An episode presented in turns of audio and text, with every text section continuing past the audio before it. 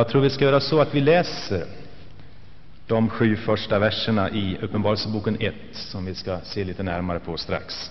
Uppenbarelseboken, första kapitlet, de första sju verserna.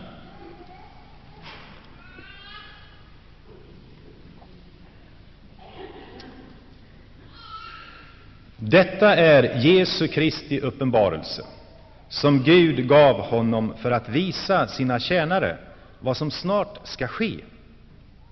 Han sände sin ängel och lät sin tjänare Johannes veta det, han som vittnat om Guds ord och Jesu Kristi vittnesbörd, allt han har sett.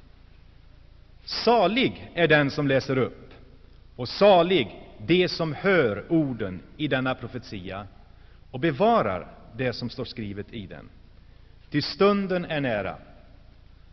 Från Johannes till de sju församlingarna i Asien, nåd och frid från honom som är och som var och som kommer, och från de sju andarna framför hans tron, och från Jesus Kristus, det trovärdiga vittnet, den förstfödde från de döda och härskaren över jordens kungar.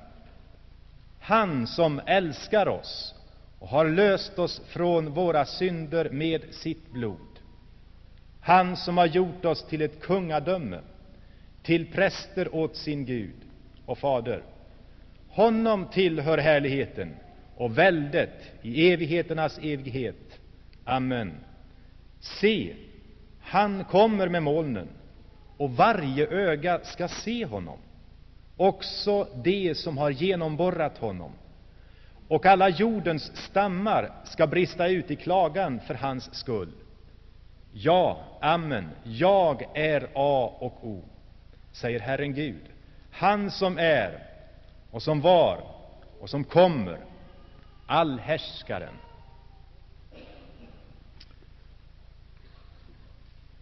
Det år som vi nu upplever, 1984, har på ett särskilt sätt kanske varit ett år då man analyserat förhållandena i världen, särskilt här i västvärlden, och frågat sig var är vi på väg? Vart är vi på väg någonstans? Som mänsklighet och som samhälle idag. Och en av orsakerna till att vi kanske stannat upp lite extra just i år är den skrämmande framtidsversion som Orwell, författaren, den engelske författaren, skrev 1948 med just titeln 1984. Och han förutspådde den totalitära staten, storebrorssamhället. Och även om vi inte kanske i vårt land har nått dit, så finns det ändå tillräckligt med orosmoln vid horisonten av många olika slag för att den som försöker sia om framtiden idag knappast vågar låna sig till någon form av optimism. Och man undrar egentligen vad är det som gör att det är så svårt att få lugn och ro på planeten jorden. Varför måste världen se ut som den gör? Med det onda så ofta i triumftåg. Säger Bibeln någonting om det här? Om framtidsutsikterna? Finns det egentligen något hopp för den här planeten? Finns det någon framtid? Vem är det egentligen som har makten? Är det Gud? Eller är det Satan? Eller är det bara människorna? Varför ska det egentligen behöva se ut som det gör? Och hur ska det hela egentligen sluta? Och för oss, kanske ännu viktigare, vad är den kristna församlingens roll i allt det här? Ja, Bibeln är ju på intet sätt tyst om det här. Egentligen så är mänsklighetens historia fullständigare beskriven i Bibeln än i någon annan bok eller på något annat ställe. Där har du början, där har du slutet. Där har du Första Mosebok, där har du Uppenbarelseboken, som binder samman hela den mänskliga historien. En kort jämförelse med första, Bibeln, första boken i Bibeln och den sista boken i Bibeln. Första boken i Bibeln är Satans dom uttalad. Sista boken i Bibeln är Satans dom verkställd. Första Mosebok läser vi om ormens, Satans triumf.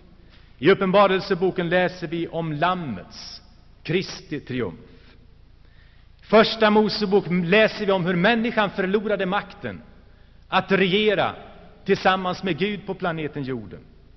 I Uppenbarelseboken läser vi om hur människan, och då församlingen, blir återgiven makten att regera på jorden.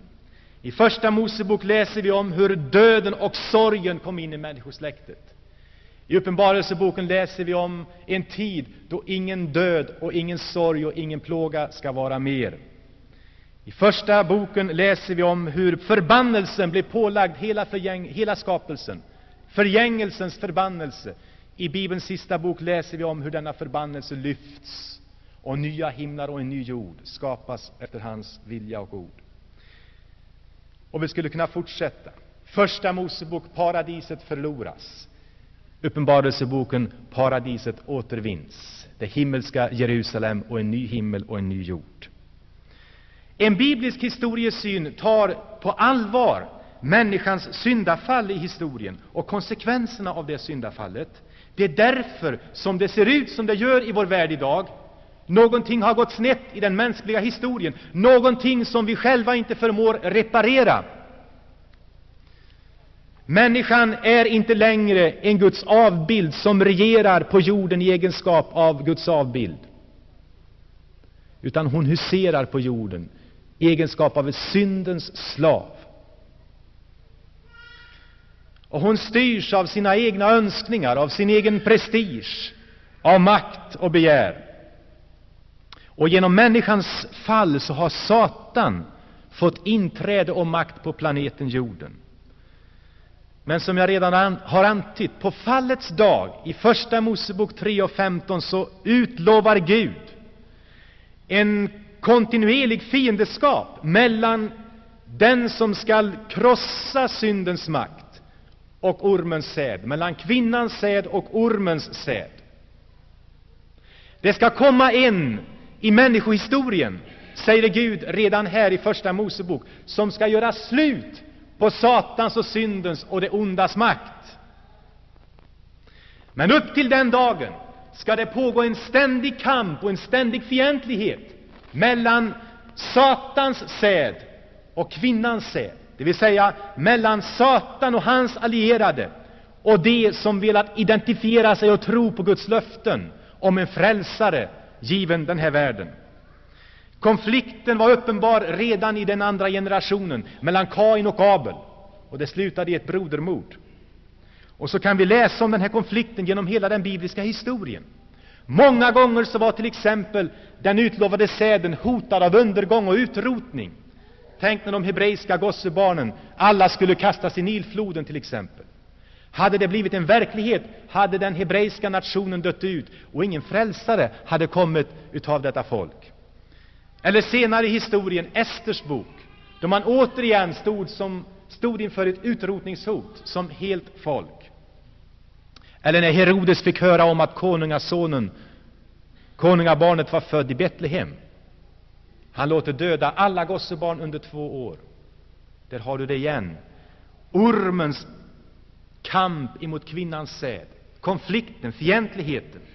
Djävulen stod många gånger också efter den inkarnerade Gudasonens liv, senare i Jesu liv och historia. Men inte förrän han själv ville lägga ner sitt liv av fri vilja kunde Satan med illvilliga människors hjälp få honom till huvudskalleplatsen för att korsfästas där. Men det var där som ormens huvud blev krossat. Det var där som seger vanns över Satan och hans makt. Jesus hade själv sagt denna världens förste ska nu utkastas. Det är slut med hans herravälde. Han som har hela världen i sitt våld. Det är slut med hans makt på planeten jorden. Ja, det var 2000 år sedan nu, nästan. Och vi tycker knappast världen är bättre än på Jesu tid. Hur ska vi förstå det här egentligen? Ja, vi får inte glömma bort den sista boken i Bibeln. Den är given en generation som levde i ännu större svårigheter än vad du och jag gör i 1980-talets Sverige, om vi kan tala alls om svårigheter i vår nation. Uppenbarelseboken är given en kristen församling som kämpade mot Satans makt på ett mycket konkret sätt, som levde under förföljelser och svårigheter, våld och tortyr. Konflikten mellan kvinnans säd, mellan dem som bekände sig till Jesus Kristus och hans seger på Golgata, avtog inte efter Golgata, utan istället intensifierades konflikten.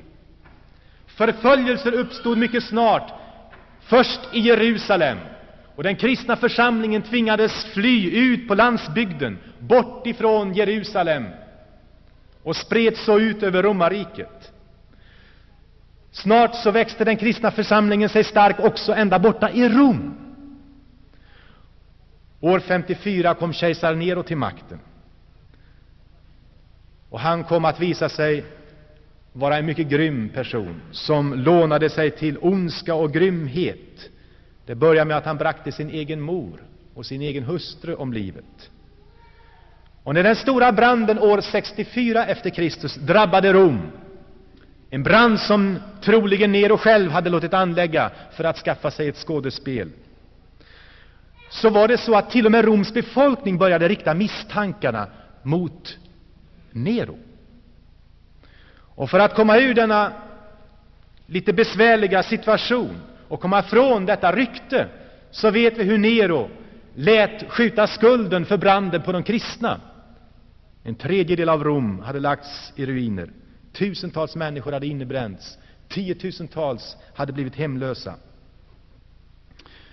Och mycket snart så fick han också folket, befolkningens illvilja att vändas emot just de kristna. Och den första stora förföljelsen mot de kristna begynte i Rom på 64 efter Kristus. Och de kristna kastades till blodtörstiga hundar. Andra korsfästes, andra kastades levande i eld. Eller som Nero älskade att göra, linda in dem i någon slags klädnad som man hade dränkt i kära och låta dem bli levande facklor längs Roms gator och i hans egen trädgård. Hela nätterna kunde de brinna och de kristna ändå bevaras levande under svår plåga. Ja, det till och med väckte, står det eh, i en historieskrivares beskrivning, det väckte till och med de hedniska romerska invånarnas medlidande när de såg hur de kristna led. Men kristendomen kunde inte stoppas. Efter Neros död 68 efter Kristus dröjde det visserligen ett par, tre årtionden innan nästa stora förföljelse kom att äga rum. Det var när kejsar Domitianus hade kommit till makten. Han påminde mycket om Nero. Han var kall, han var misstänksam, han var hård, han var ärelysten. Han greps själv lätt av avundsjuka. Han hade bristande självförtroende tydligen, och han tålde inga avvikande meningar. Han höll strängt inte bara på dyrkan av de romerska gudarna, utan han upphöjde också sig själv till något av en gud och begärde att man skulle tillbedja honom. En kejsarkult fanns det omkring kejsar Domitianus. Och då kan vi förstå att en kejsare med den inställningen skulle ha väldigt svårt att acceptera den kristna församlingen, som vägrade att tillbedja någon annan än Jesus Kristus och kalla honom för konung.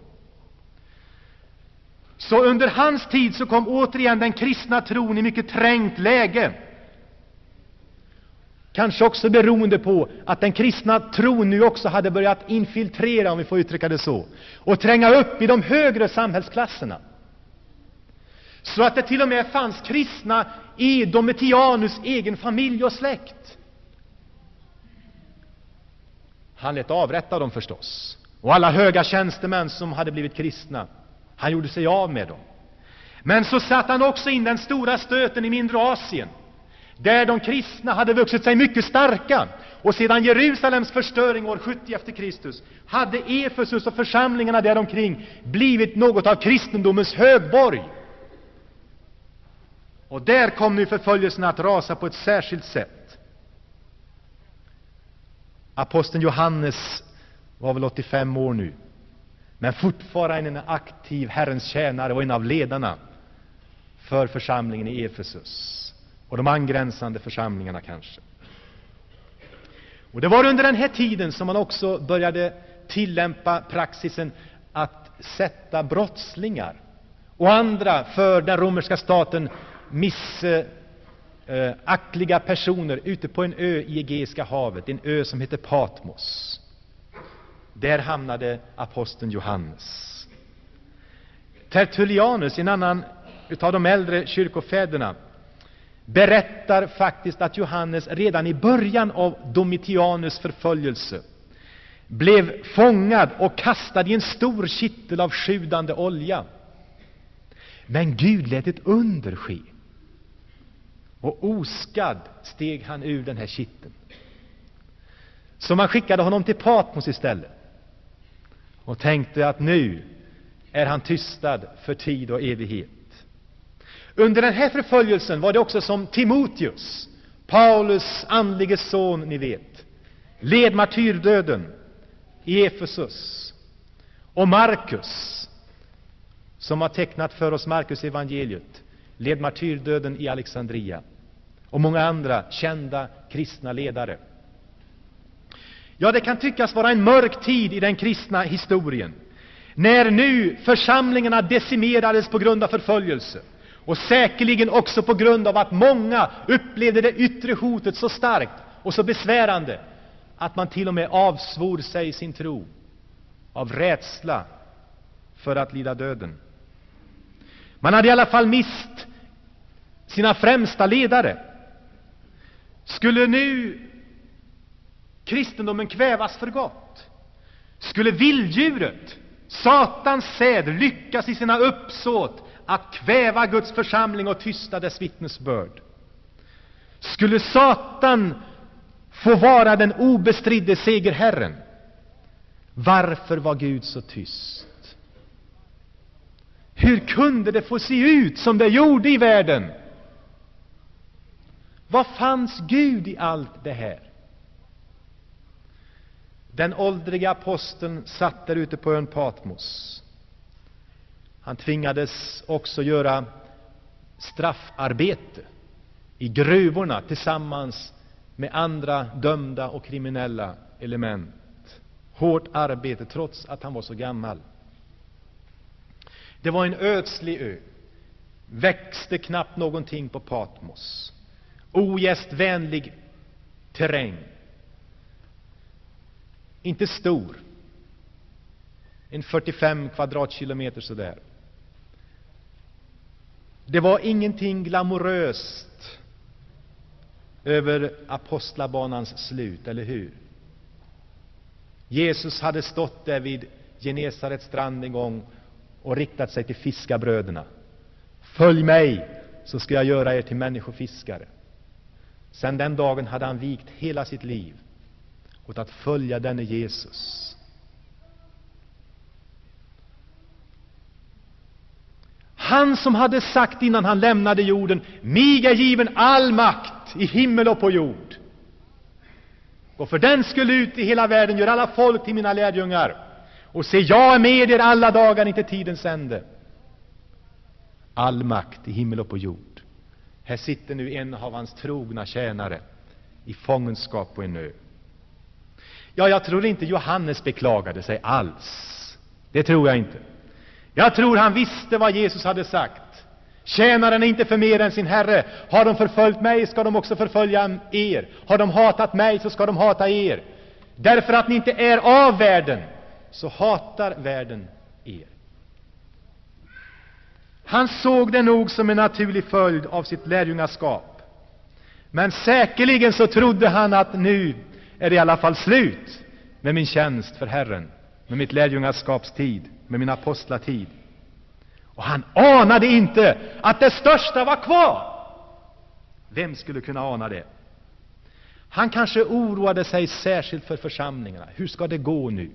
Hur har de det nu egentligen där borta i mindre Asien? Han bekymrade sig för församlingarna. Och han söker kanske därför särskilt Herrens ansikte den här dagen. Herrens dag, står det att det var. Och det var då som det hände. Det var då som det hände på denna ödsliga ö. Han kom i andehänryckning. Ja, det står i grundtexten egentligen bara så här. Han kom i anden. Han levde ju alltid i anden. Anden bodde i honom. Men här skedde någonting extraordinärt. Han kom helt i andehänryckning. Som vi läser om Petrus på garvaren Simons tak, medan de lagade mat där nere. Och han går upp för att kanske vila sig. Så händer det även där plötsligt. Han kom i andehänryckning. Liksom Paulus när han bad senare i sitt liv på Jerusalems tempels förgårdar. Han kom i andehänryckning. Och så kom den åldriga apostel i andehänryckning. Och det står i vers 10. Jag kom i hänryckning på Herrens dag, och jag hörde bakom mig en stark röst som en basun. Plötsligt så öppnar sig för honom den himmelska världen, och han får skåda syner, och han får höra ord som ingen människa har sett eller hört. Och han blir den främste av Nya testamentets profeter. Och det resulterar i att Uppenbarelseboken blir oss given, en bok som varit miljoner och åter miljoner kristna människor till tröst och uppmuntran under historiens gång. Inte anade han att hans största tjänst fortfarande var kvar när han fördes med fångarna ut till Patmos. Ja, fienden kanske tyckte att han hade inregistrerat en triumf när han nu blev av med den främste av ledarna, aposteln Johannes. Skönt! Men är det inte märkligt hur Gud skulle komma att använda just de sista och kanske mest besvärliga åren av Johannes liv till att bringa fram det härligaste av alla hans budskap. Härligare än någonting kanske han har predikat under hela sin levnad. Jag har, jag har lagt märke till att det här ofta har varit Guds metod. Att frambringa de största välsignelserna ur sina tjänare eller genom sina tjänares liv, när de yttre omständigheterna varit de mest ogynnsamma. Har du tänkt på det? Moseböckerna till exempel har blivit skrivna under en svår ökenvandring. Det fanns inga bibliotek att konsultera. Solen brände het. Ett knorrande folk gav ständigt bekymmer. De flesta av Davids salmer i Psaltaren, som vi älskar och gärna tar till oss, blev skrivna när David själv var under svåra förföljelsetider och i trångmål på olika sätt. Då föddes denna lyrik. Hesekels profetiska bok skrevs i den babyloniska fångenskapen. Många av Paulus brev som har blivit oss så kära, skrevs i mörka fängelsehålor. Guds ord kunde aldrig tystna, även om dess tjänare ibland levde under mycket besvära, besvärliga omständigheter. Tänk om det är så att Gud använder oss som bäst eller mest när vi befinner oss i svårigheter.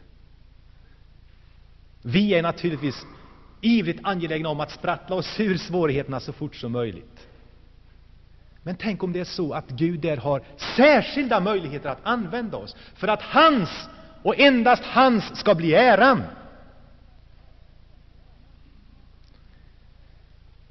Människor kan beskära vår, vår frihet på olika sätt, men Guds ande kan aldrig beskäras. Guds ande kan aldrig begränsas. Han är allestädes närvarande och fri att verka var och när som helst. Han hittade ut till Patmos i det Egeiska havet. Och Johannes får ett budskap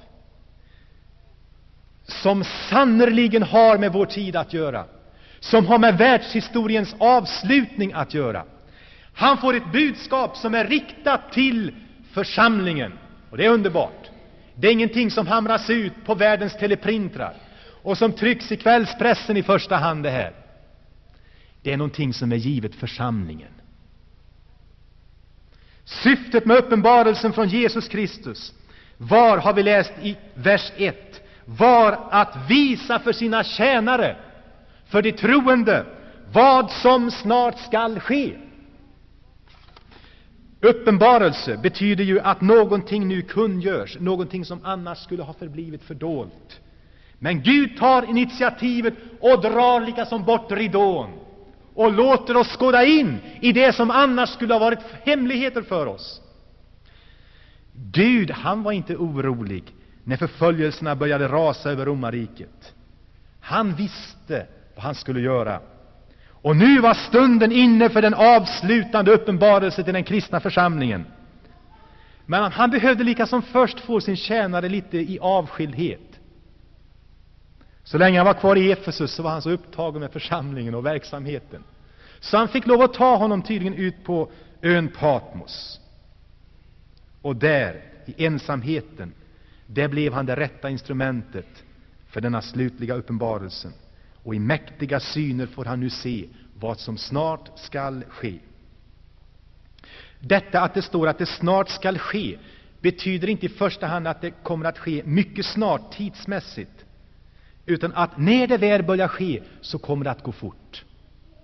Det kommer att ske snabbt, det här. Skyndsamt. Och som vi kommer att se nu av sändebreven snart, inte idag, men så småningom, i kapitel 2 och 3, så är Uppenbarelsebokens budskap inte till för att bara ge kunskap, utan det har i högsta grad med våra liv här och nu att göra. Det har att göra med församlingarnas liv i en värld som ser ut som den gör just nu. Det profetiska ordet är aldrig till för att frossa i som något, något mål i sig själv. Det profetiska ordet är till för att förändra våra liv, för att uppfordra oss till helgelse, för att få oss att leva nära honom som snart skall komma.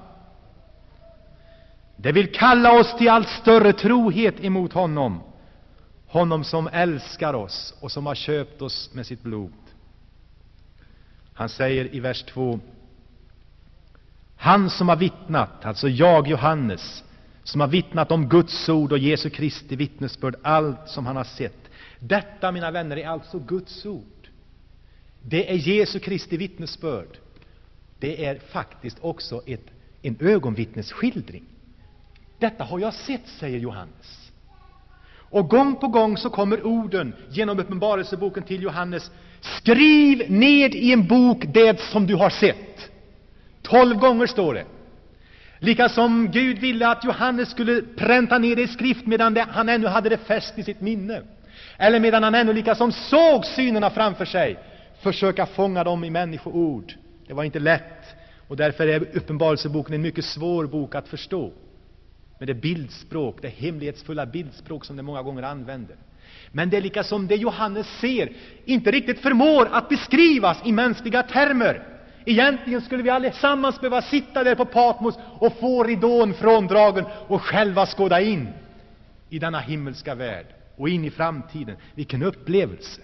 Men jag måste säga att jag, jag upplever någonting av detta när jag läser Uppenbarelseboken. Det står i vers 3. Salig är den som läser upp vad som står i den här boken. Det upplever jag. Salig är den som lyssnar till det som uppläses. Och framför allt, saliga är de som gör, tar vara på och handlar efter det som står. Det finns ingen annan bok i Bibeln som utlovar en särskild välsignelse för den som läser eller lyssnar till dess uppläsning. Men det gör Uppenbarelseboken. Egentligen så är högläsning ur skriften någonting vi borde praktisera mer. Det ligger en välsignelse i att läsa Guds ord och att höra Guds ord föreläsas. Men när jag läser Uppenbarelseboken för mig själv, eller hör den uppläsas, så måste jag säga att jag grips av en särskild känsla. Jag upplever att jag träder in på särskilt helig mark. Jag upplever en vördnad inför Guds segrande rättfärdighet. Och jag upplever en jublande glädje när jag gång för gång, gång på gång förs fram inför Lammets tron och får lyssna till lovsången som ständigt ljuder. Jag upplever spänningen, dramatiken.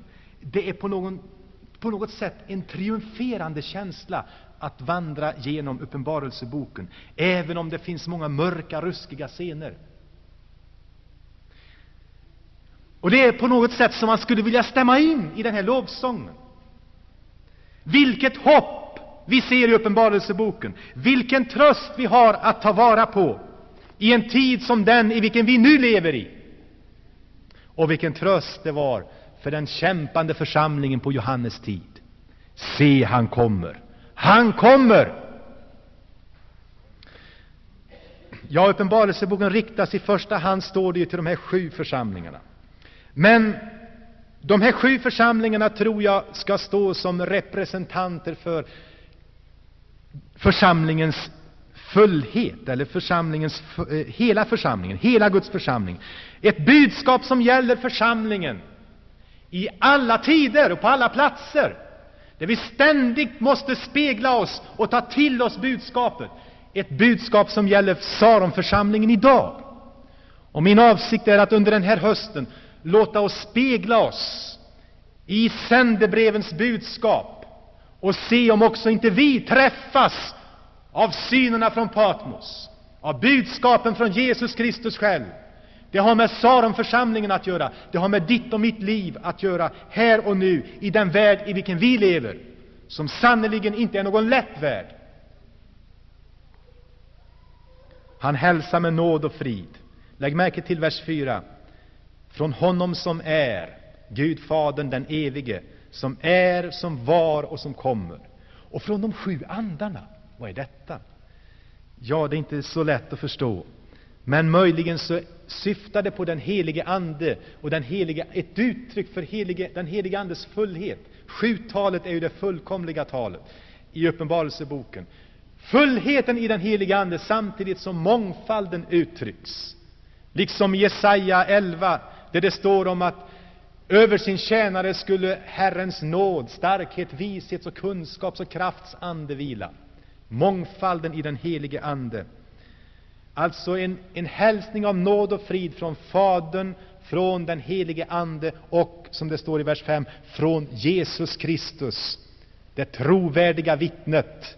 Han som är att lita på, han som kom in i världen och sa ”Därtill är jag född och kommen i världen, att jag ska vittna för sanningen.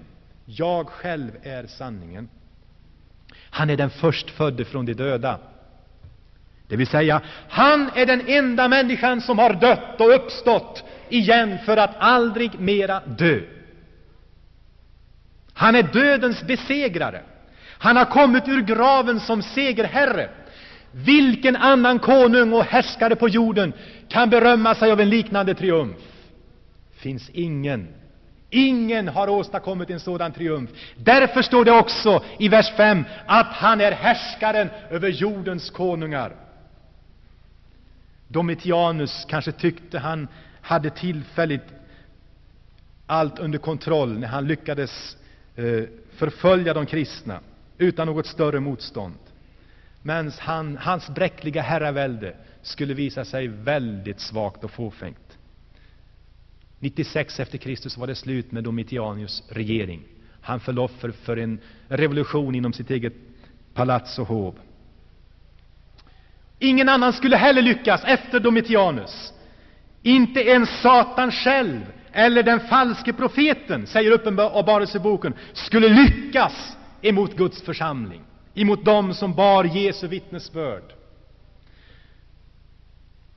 Och Uppenbarelseboken kommer istället att göra kunnig den slutliga triumfen.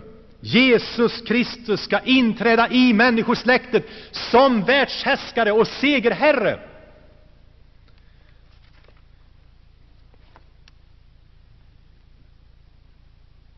Vers 5 i slutet så står det inte bara vem han är, utan också vad han gör och vad han har gjort. Han, härskaren över jordens konungar, han är den som älskar oss. Lägg märke till tempusformen, som håller på att älska oss.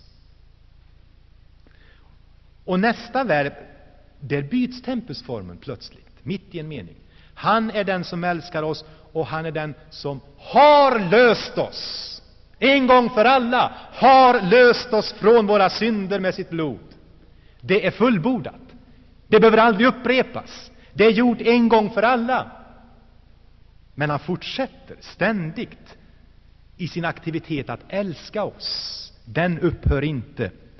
Han har köpt oss med sitt blod ifrån syndens bojor, så att vi inte längre behöver vara slavar, utan konungar. Står det, va? Han har löst oss från våra synder med sitt blod och gjort oss till ett kungadöme. Inte slavar, utan konungar och drottningar. Han har beslutat att med församlingen dela sin kungavärdighet och att med församlingen regera i historiens avslutning och fortsättning. Egentligen gör han det redan nu genom församlingens förbundstjänst. Han har gjort oss till kungar och präster. Ja, säger Johannes i vers 7, han kommer. Han kommer. Det här är bokens stora huvudtema.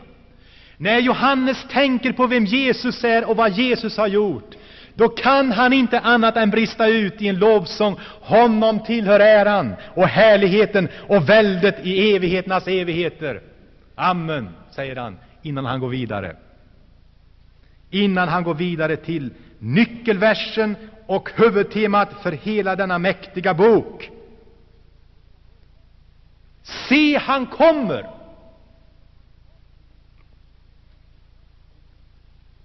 Och varje öga ska se honom, också deras ögon som har genomborrat honom. Och alla jordens stammar ska brista ut i klagan för hans skull. Han kommer med skyarna, står det.